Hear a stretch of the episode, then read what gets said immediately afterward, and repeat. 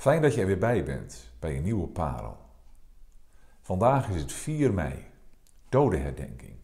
De dag waarop Nederland herdenkt en terugdenkt aan hen die omgekomen zijn sinds de Tweede Wereldoorlog en tijdens vredesoperaties.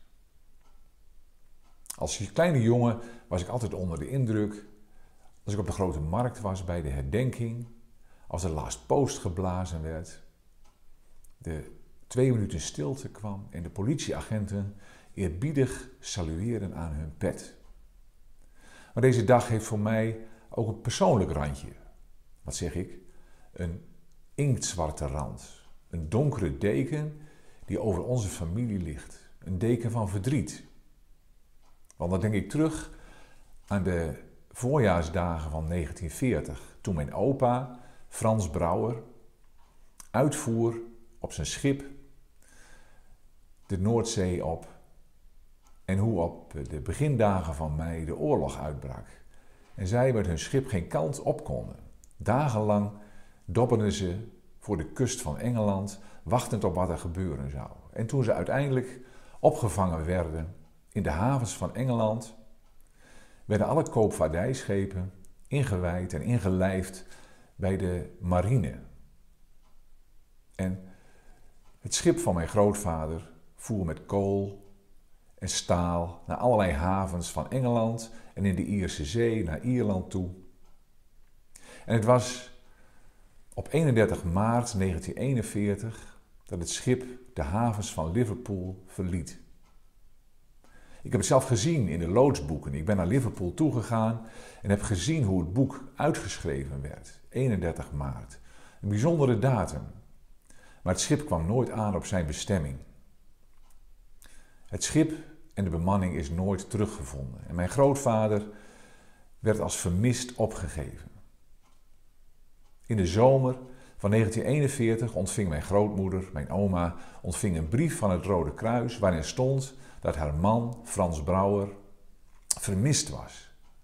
Dat het niet duidelijk was waar hij was, dat het schip vergaan was. En die boodschap ligt als een donkere deken over ons over onze familie.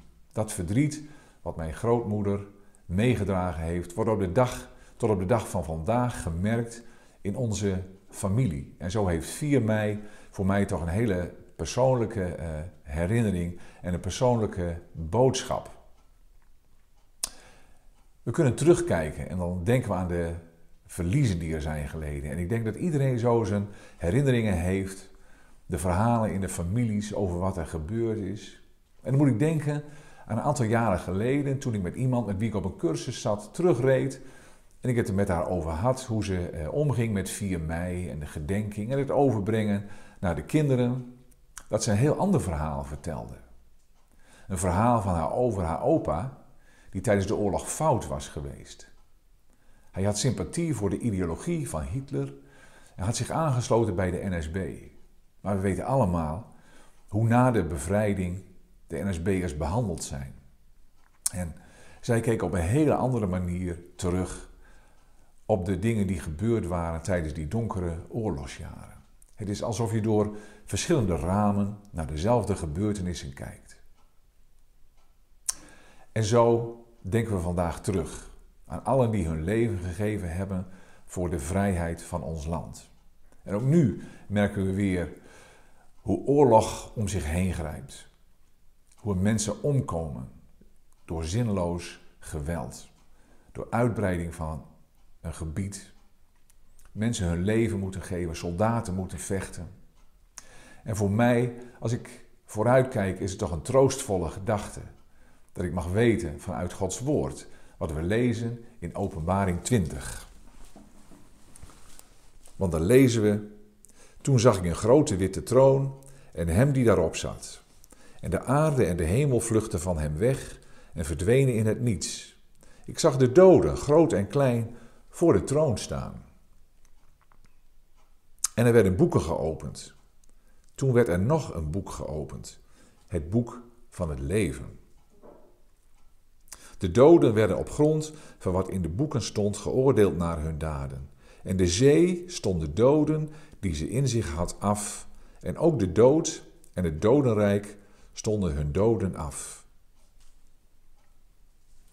Er komt een moment waarop de zee haar doden prijsgeeft.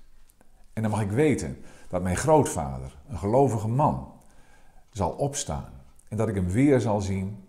Die verwachting eh, die leeft er in mij.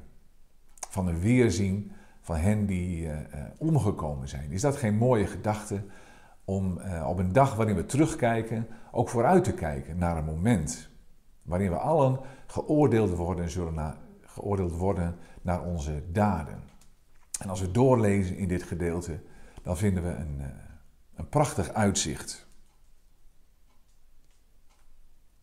Het moment dat alles voorbij is, dan lezen we dat God zelf bij ons zal zijn. En hij zal alle tranen uit hun ogen wissen. En er zal geen dood meer zijn, geen rouw, geen jammerklacht en geen pijn. Want wat er eerst was, is voorbij. Dat is een geweldig uitzicht. Ook op een dag als vandaag, waarin we mogen denken aan hen die gevallen zijn. Dat wat eerst was, is voorbij. Waar dood en ellende om zich heen grijpen, of nu door oorlog is of door ziekte, waardoor we geliefden moeten missen. Er komt een moment waarin eh, allen zullen opstaan. De zee zijn doden zal prijsgeven. En dan mogen we weten, allen die hun vertrouwen op God gesteld hebben, die met Jezus geleefd hebben, dat, we, eh, dat God de tranen van onze ogen zal afwissen. En dat wat eerst was, dat is voorbij gegaan. Dat is een geweldig uitzicht. Ook op een dag als vandaag, waarin we mogen gedenken, maar waarin we ook mogen vooruitkijken. Ik wens jullie allemaal een betekenisvolle dag.